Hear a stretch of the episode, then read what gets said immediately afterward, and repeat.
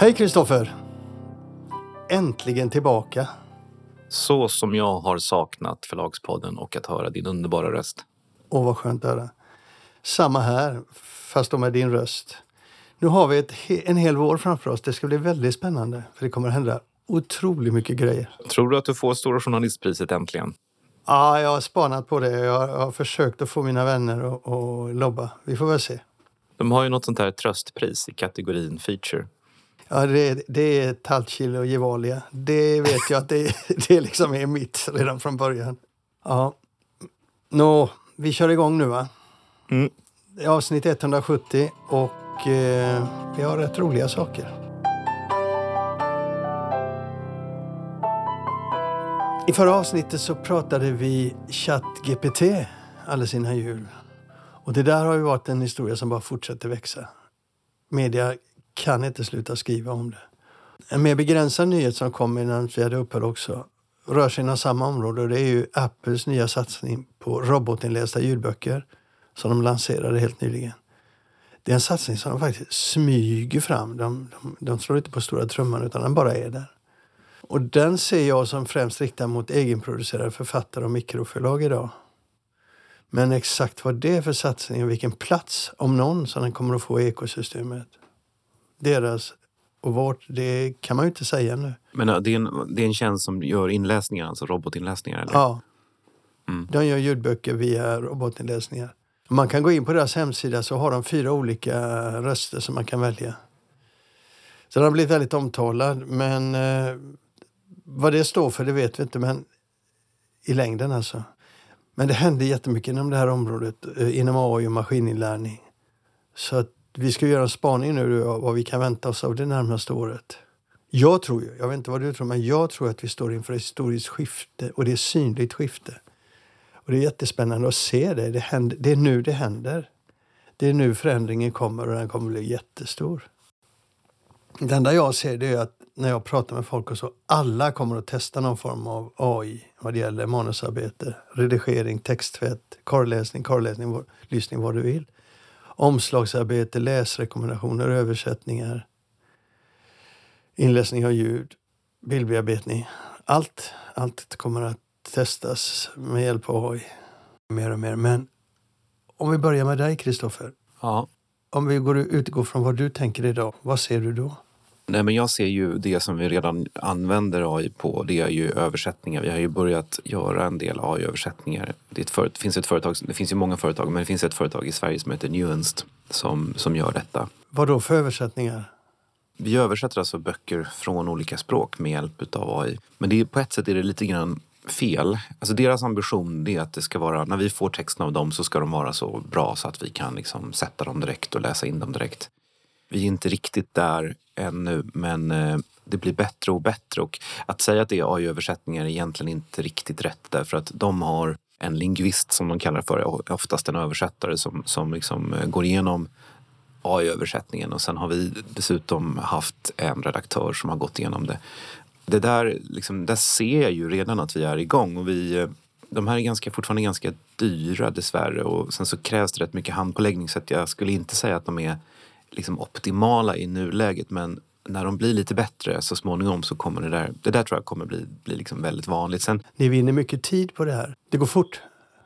Ja och nej. Vi vinner tid om det är exempelvis om vi har en serie med titlar som ska översättas där vi helt enkelt inte kan hitta översättare, liksom det skulle ta flera år. Då kan vi göra det här ganska snabbt. Samtidigt så, där vi befinner oss då i nuläget där vi ändå måste liksom ha en redaktör på de här och, och så vidare så är det rätt mycket hantering av dem. Det är liksom inte, liksom inte färdiga. Det är liksom inte färdiga texter som vi bara kan använda. Däremot så uh, finns det inte kapaciteten. Liksom. Det finns för få översättare. Liksom. Vi kan inte få fram titlarna. Så på så sätt sparar vi tid. Mm. Man har kanske ett mindre förlag och man, man kanske gör, gör 10 titlar, 20 titlar om året så, och, och det finns översättare så vinner man kanske inte så mycket hantering heller. Vad skulle jag säga mer? Jo, men här ser jag ju att eh, AI hjälper oss och eh, de här översättningarna är bättre och bättre och eh, en del är till och med bättre än en del vanliga översättningar vi gjort. Men jag vill betona starkt för alla lyssnare att liksom de litterära översättarna är oöverträffbara. Det är liksom nivåskillnader här så det är liksom långt fram till dess att man översätter poesi eller liksom mer nyanserad prosa med, med AI-översättningarna. Där är vi inte riktigt. Men det, det ser jag ju. Sen har vi det här med, med robotinläsningar. Jag har tänkt mycket på det och jag tror att det kommer dröja rätt länge innan det blir en stor sak. Och där tror jag så här att i en avlägsen framtid så kommer säkert en hel del göras med robotinläsningar för de är ju faktiskt förvånansvärt bra. Jag har ju tagit upp dem tidigare, de är riktigt bra faktiskt. Men i nuläget så skulle de etablerade författarna skulle ju aldrig gå med på att deras böcker lästes in av en robot. Och vi på förlagssidan skulle inte heller vilja byta ut de mest populära inläsarna mot robotar. Utan det man skulle använda det här på i så fall, det är ju titlar som kanske annars inte ens skulle blivit ljudböcker för att man tror kanske inte att de har så stor kommersiell potential. Det är ju snarare där man skulle sätta in det på fackböcker som är tveksamt om det finns tillräckligt många lyssnare och sådär. Och då kan jag se att det kommer inte bli kommersiellt kanske så stort men att det kan bli ett komplement. Mm. Där tror jag, och det är precis som du talade om med Apple, att man, man vänder sig kanske framförallt till egenutgivare. Att det, det här kommer bli en teknik som man använder för att göra mer och framförallt att göra sånt som annars kanske inte skulle kommit ut. Snarare än att man ersätter det gamla. Mm. Och därmed så får de kanske ingen jättestor ekonomisk eh, betydelse på kort sikt. Men vem vet på sikt? Jag ringde ju runt till förlag och hörde mig för lite grann hur de ser på det här och vad de gör. Och det är uppenbart att alla tycker det här är kul. Många testar olika saker. Det som var extra roligt var när jag pratade med Pelle Andersson. Så berättade han, de gav ut en bok, eh, jag kommer inte ihåg vad författaren heter nu, men de gav ut en bok om Greta Thunberg. Kommer du komma ihåg det? Mm. För några år sedan.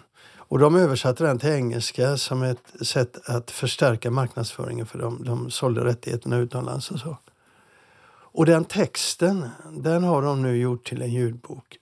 De har samarbetat med ett företag som heter Wonderword och jag pratade med Jonas Strömberg på Wonderword. De har ju tagit den texten, robotinläst den och den ljudboken ska nu lanseras på engelska då, ska nu lanseras eh, bland annat via Nextory.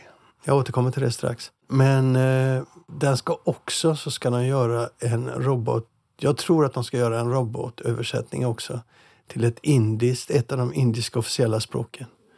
Om det sen blir både text och ljud, det vet jag inte. Men det ska de också testa. Och det är en test. Bägge de här grejerna är en test. Och jag lyssnade lite på boken. Det är en manlig röst som pratar in den.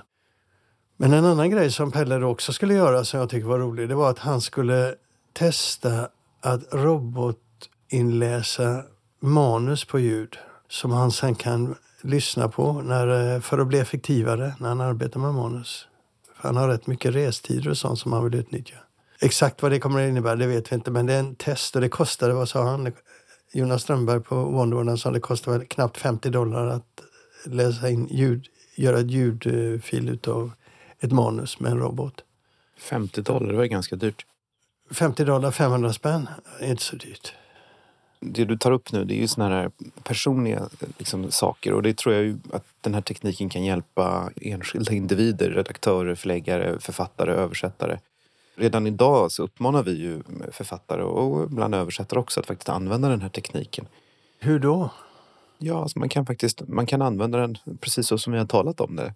Det var en författare som hade lyssnat på oss, eh, vårt förra inlägg om det här ChatGPT, som satt med sitt manus och skulle precis skicka in det. Och då så skrev han la han in då, man kan inte lägga in en hel bok utan man måste lägga in kapitel för kapitel eller vad det nu är, ett antal sidor bara hittills i den här gratisversionen. Uh-huh. Och då hade han sagt, kan du redigera det här? Och han sa att han fick en text som var liksom rättad, alltså stavfel, dubbla mellanslag och språkliga fel. Och han sa att det var snabbare och bättre än vad jag hade gjort det själv. Mm. Och det där är ju fantastiskt. Mm. Jag tror verkligen att man kan lämna in renare manus. Det handlar inte om att ta bort textens känsla eller textens själ om man så vill. Utan det handlar ju verkligen om, om en slags grovputs. Mm. Alltså folk, jag vet inte om alla fattar vad en chatbot vad det är för något. Det är en mängd, mängd, mängd texter som den här eh, chatboten chattboten då bearbetar och letar i när den svarar dig. Sen har den blivit finjusterad av eh, människor för att kunna agera på ett visst sätt. Jag tror många tror att den här chattboten har en egen själ, att den kan svara liksom intelligent. Men den, den vet ju egentligen inget annat än att gå in och titta på andra texter den har. Det är ju det den gör. Mm. Den har ju väldigt mycket data som den har läst in och det är därför som den kan skriva en, en hyllningsdikt i eh, Viktor Rydbergs anda eller vad man nu vill, liksom, Ja. vad man ger den för direktiv. Men sen får man ju kolla så att det inte blir helt tokigt. Men jag tror också att vad det gäller sådana här saker så, du säger att det här är det stora, vi står inför ett paradigmskifte och det här är en revolution och sådär. Du kan ha rätt i det, men jag tror också när det gäller nya saker och ny teknik att man man både tenderar att överskatta betydelsen på kort sikt och kanske underskatta den på lång sikt. Så är det. Det är lite som med självkörande bilar. Att vi, vi har ju talat om de här självkörande bilarna i tio år och för, för tio år sedan så sa man att ja, det kommer komma om liksom två, tre år. Och eh, fortfarande så, alltså tekniken finns där men det, det är för mycket olyckor med de här bilarna. De krockar för ofta och det finns andra anledningar också till att de ännu inte har liksom eh, petat bort fysiska människor som kör bilarna. Så jag tror också att man, människan får en ny roll men människan är svår att helt byta ut. Men Nextory där, bara kort säga det då. Jag pratade med Nextory om det. De säger inte nej till robotinlästa böcker idag. De markerar väldigt tydligt att det är robotinlästa böcker men det är lyssnaren som får avgöra. Mm. Så att de tog in den här boken från Ordfront och de har ett antal engelskspråkiga robotinlästa böcker men de har inga på svenska ännu. Men de har inget principiellt emot det ändå. Nej, men klart att de inte har det. ska de inte ha. Nej. Där har du en annan aspekt också av att det kan finnas en tröghet i genomslagskraften för robotinläsarna. För att det är väl rimligt att streamingtjänsterna kommer att markera att det här är en robotinläst text eller robot... Ja. Och det, där kan man ju då tänka sig, förutsätta att om det inte är en bok som man väldigt gärna vill lyssna på så kommer de flesta att vilja ha en riktig röst. Och då kommer liksom marknadskrafterna göra de här robotarna mindre populära. Jag tror att det kommer finnas en tröghet i själva konsumentledet. Att eh, även om tekniken blir jättebra liksom, så tror jag det kommer finnas en tröghet i att få, få snurr på det här rent kommersiellt. På sikt kommer det säkert bli stort på en viss typ av böcker men, men på kort sikt så tror jag att det kommer vara svårt att byta ut. Ja, du, de här frågorna kommer vi ju att återkomma till under året. Vi får se om våra spaningar på att det här, jag tror att det här kommer att slå igenom stort under året. Vi får se om jag får rätt eller fel. Det kommer i alla fall i branschen att pratas mycket om det. Och vi kommer om ett par avsnitt att ha ett samtal, eller jag kommer att ha ett samtal med en aktör i ett förlag som kommer berätta rent konkret vad de gör mycket mer på det här området. De saker som inte vi har pratat om idag. Mm. För jag tänkte det var intressant för att sätta folks fantasi i rörelse. Så vi får se. Och sen så tror jag också att många småförlag kommer inte liksom ha möjlighet att närma sig de här frågorna utan här får nog Förläggarföreningen gå in och, och skapa förståelse och hjälpa till med intresset tror jag. Och det tror jag också de kommer att göra. Ska vi släppa där? Ja.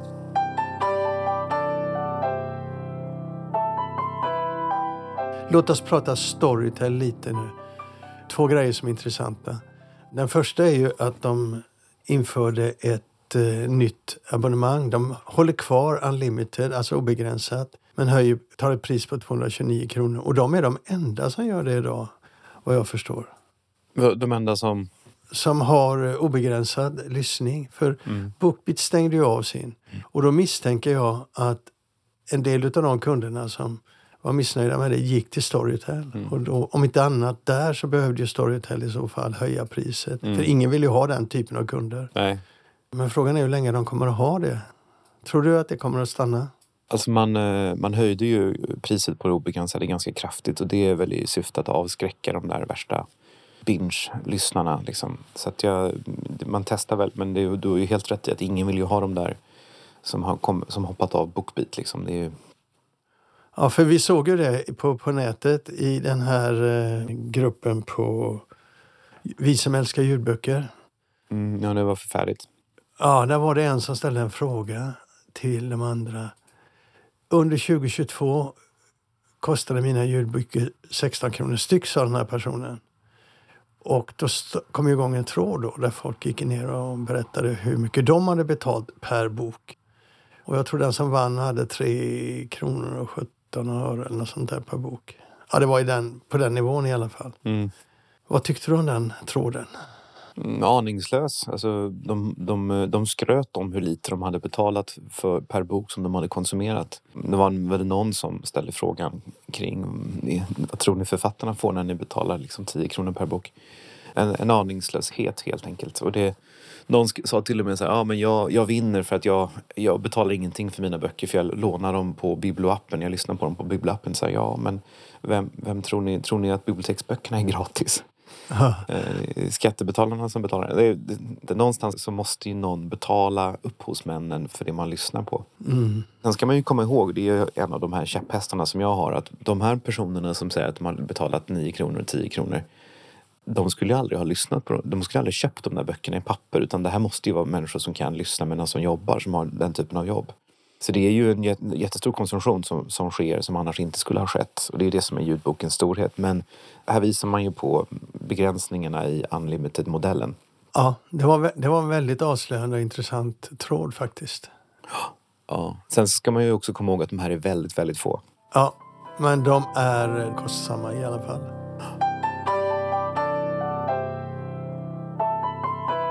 Förlagsvärlden, vad säger jag, förlagsvärlden, affärs, tidningen Affärsvärlden har en podd. I den podden så intervjuade de förläggaren Bertil Ekelid för, ja den här veckan var det för övrigt. Och Bertil Ekelid, för de som inte känner till honom, han har ett förlag som heter Ekelids som ger ut väldigt mycket affärslitteratur. Det är mycket managementböcker, väldigt mycket biografier från eh, företagsledare och sådär. Han har hållit på rätt många år. Ja, det har han gjort. Jag, tr jag tror att han sålde det till Bonnier och så köpte han tillbaks det eller hur det nu var. Men, men nej, han har hållit på länge. Och den här intervjun kan alla lyssna på som tycker den är intressant. Men det fanns några saker som han sa där som jag tänkte att jag skulle skvallra här om i Förlagspodden för de som inte orkar lyssna. I'm all ears. Mm. Hon som har den här podden hon heter Helene Rothstein. Hon är ganska duktig journalist och duktig på att intervjua folk. Och hon ställer då Bertil Ekelid en väldigt öppen fråga. Han säger vad är det svåraste eller vad är liksom det knepigaste i ditt jobb? Och på den frågan så kan man ju svara nästan vad som helst som förläggare. Mm. Och, vet, och vet du vad han svarar? Nej, jag har inte lyssnat. Han säger att det svåraste är att få författarna att förstå hur lite böckerna egentligen säljer. Det tar han upp som liksom, sin största utmaning eh, i jobbet. Och det kan ju vara så att han har ett särskilt stort problem här eftersom han jobbar ju mycket med företagsledare och börs och sånt där och de kan ju ha lite skev självbild mm. och tro liksom att det här kommer att bli jättestort. Och så har de också oftast ett ganska starkt självförtroende. Men eh, han sa att det är liksom en väldigt stor utmaning att försöka få de förväntningarna att bli rimliga. Det är ju faktiskt något som även en vanlig förläggare har, alltså när man har skönlitterära debutanter, att man har också oftast förväntningar som är väldigt, väldigt långt ifrån det rimliga utfallet. Men vet du sen, hon ställer då frågan vad, vad är en bra liksom, upplaga? Vad är liksom en bra försäljningssiffra? Vet du vad han säger då? Nej. Gissa. Med tanke på vad vi har pratat om i podden. Eh, en bra upplaga kan vara 1500 ex. Mm, lite mer han säger. En bra upplaga är 2000 ex. Då får man vara väldigt nöjd säger han om man säljer 2000 ex. Men då ska man komma ihåg att de böckerna som han jobbar med det är böcker som inte funkar så bra digitalt, som inte funkar särskilt bra som ljudbok eller e-bok. Mm. Det är ju framförallt eh, en pappersförsäljning på 2000 ex. Men det stämmer ju bra överens också med vår egen erfarenhet av den här typen av fackböcker. Att säljer man 2000 ex av en sådan här fackbok idag så får man vara nöjd. Ja, man får nöjd men det är inte bra. Det måste ju vara lite mer för att det ska vara bra, eller? No, alltså, han har ju böcker som drar iväg och säljer väldigt mycket men, men det är liksom en helt okej okay försäljning. Vet du vilken bok han har som har sålt mest? Nej, ingen aning. Det är Fredrik Eklunds bok Konsten att sälja vad som helst till vem som helst. Och den har sålt i över 100 000 ex. Och den har gått lite under radarn i media, tror jag. Jag tror inte folk har sett den. Den kom ju för fyra, fem år sedan. Jag tycker nog att den fick en del uppmärksamhet då. Han berättar att eh, anledningen till att de ger ut mycket böcker om försäljning och sådär ledarskap så det var ju ingen konstig bok att ha på deras lista men han berättade att det var ju liksom en, en agent som sålde den här och att eh, de var det enda förlaget som visade intresse för den. Alla andra förlag tackade nej och jag minns själv att jag tackade nej till den. Och jag minns att jag tänkte, det här är ju helt ointressant. Fredrik Eklunds bok om försäljning. Vet du vilken bok som har sålt sämst i Ekelids historia? Nej, det kan du, det kan du inte veta. Det är, en, det är en bok som heter Bortom Westerberg-effekten. Ja, det är klart. Med den titeln. Och den handlar helt enkelt om Folkpartiets vägval efter Bengt Westerberg. Den fick fler pressklipp än vad den sålde exemplar. Den hade 240 pressklipp. Intressant kuriosa kan man väl säga. Mm. Varför ville du eh, lyfta fram de här grejerna? Därför att jag tyckte att det var väldigt relevant för Förlagspodden och att det var sånt som jag själv bottnar i och att han har en, en väldigt specialiserad utgivning, ett väldigt liksom nischat förlag. Han sitter där i en del av bokbranschen men många tänker kanske inte på att han finns och han har precis de erfarenheter vi har.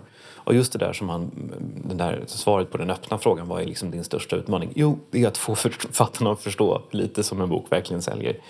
Jag tycker det var befriande att höra. Mm. Sen sa han en annan sak som jag har en spaning på. Okay. Där jag inte riktigt håller med honom. Hon frågar lite grann så här, men vad är det som säljer och vad är det som inte säljer. Och sen säger ja men kändisar säljer.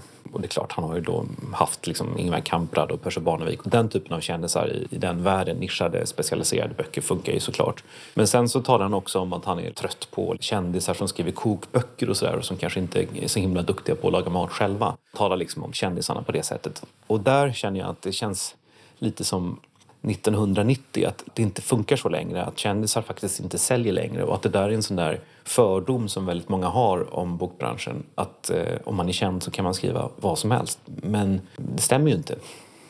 Det har stämt. Eller hur? Det mm. har stämt. Men någon mm. gång så ändrades det, jag vet inte när. Nej, ja, det, det här har nog gått upp och ner men det är klart att just kändisböcker hade ju sin, eh, sin guldålder på början av 2000-talet va? Men jag tror det är tidigare egentligen. Jag tror att det är tidigare. Okej. Okay. Men alltså det, jag tror att det kommer från en tid liksom när, när vi hade väldigt få medier och att de som var kända från tv, Lasse Berghagen och Lennart Hyland, kanske är den främsta representanten för där, den där typen av kändisskap, att det var något jättestort.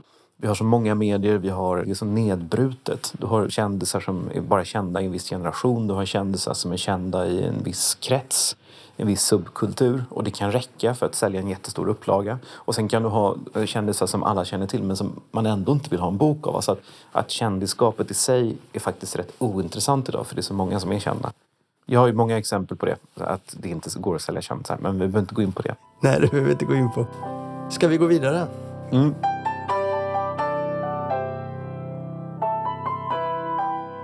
Min kollega Mattias Boström han tyckte vi skulle ta upp i podden Eh, det här med hur man talar om försäljningssiffror.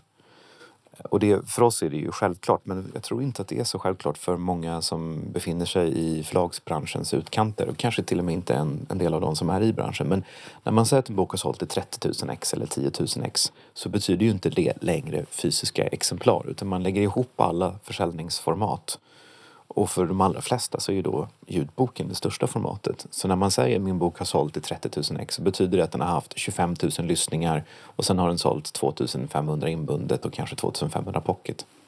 Alltså det, inte, handlar inte bara om att, att få det att se snyggare ut. Det är inget fuffens egentligen. Nej, nej, nej. Det handlar ju, för författaren handlar det om att, att man vill visa hur många enheter man har sålt av sin bok. Det, jag tycker det är naturligt att man säger alla. Det intressanta är ju här att de siffrorna som har störst kvalitet inne i den här totalsumman, det är ju ljudböckerna. För det är ju konsumerade enheter. Det andra är ju köpta enheter. Ja, jo, så är det ju. Men vad man kan säga om, om det är ju att det ger en skev bild av hur verkligheten ser ut. För att många tror, när man säger som min bok sålde, sålt i 30 000 ex, så det är det många som tror då att den har sålt, man ser framför sig exemplar. Man ser fysiska böcker som, som lämnar bokhandelsdiskarna. Men eh, oftast då så handlar det om ljudbokskonsumtion. Alltså det, det, den stora, stora konsumtionen sker där. Mm. Det är många, många som inte tänker på. Så är det. Ska vi gå vidare? Mm.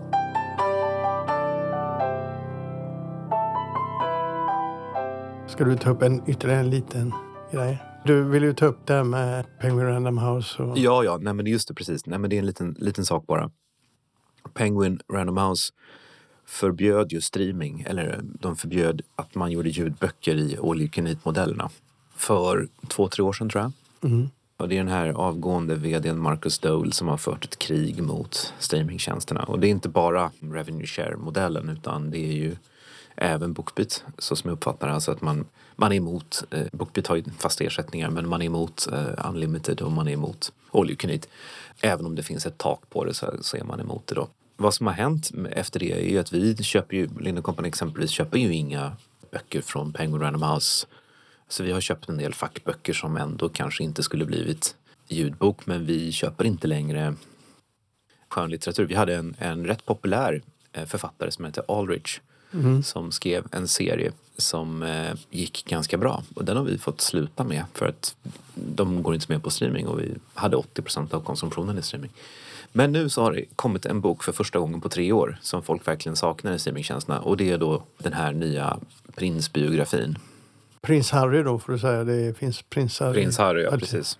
Ja. Den kommer inte ut som ljudbok i Sverige. Nej, det gör den inte. Ja, du säger att det är Marcus Dool, men det är ju företaget i första hand och vdn får ju klä skott för det och ska ju göra det. Jo, men det känns ju som att han har varit väldigt passionerad i frågan. Alltså det känns, han har verkligen tagit strid för frågan. Så, att, så att det kan ju vara så att han privat älskar oljekreditmodellen, men det är inte min känsla. Nej, men tror du att nya vd på, Random House, äh, på Penguin Random House nu kommer att ta ett annat beslut? Nej, nej, nej, det tror jag inte. Men man kan ju tänka sig att de har en lite mer kompromissfull inställning exempelvis. Man skulle kunna tänka sig att, man, att de har en mer pragmatisk inställning där man exempelvis går med på, på det här på marknader där detta är liksom rådande. För att konsekvensen nu är att Penguin och hans författare inte kan komma ut på nordiska språk i stort sett. Genom att inte tillåta streaming här kan de inte liksom ändra vår modell. Vi får se, Kristoffer, vad som händer Ja. med den nya ledningen. Det blir ingen prins Harry i alla fall i ljud i Sverige. Nej.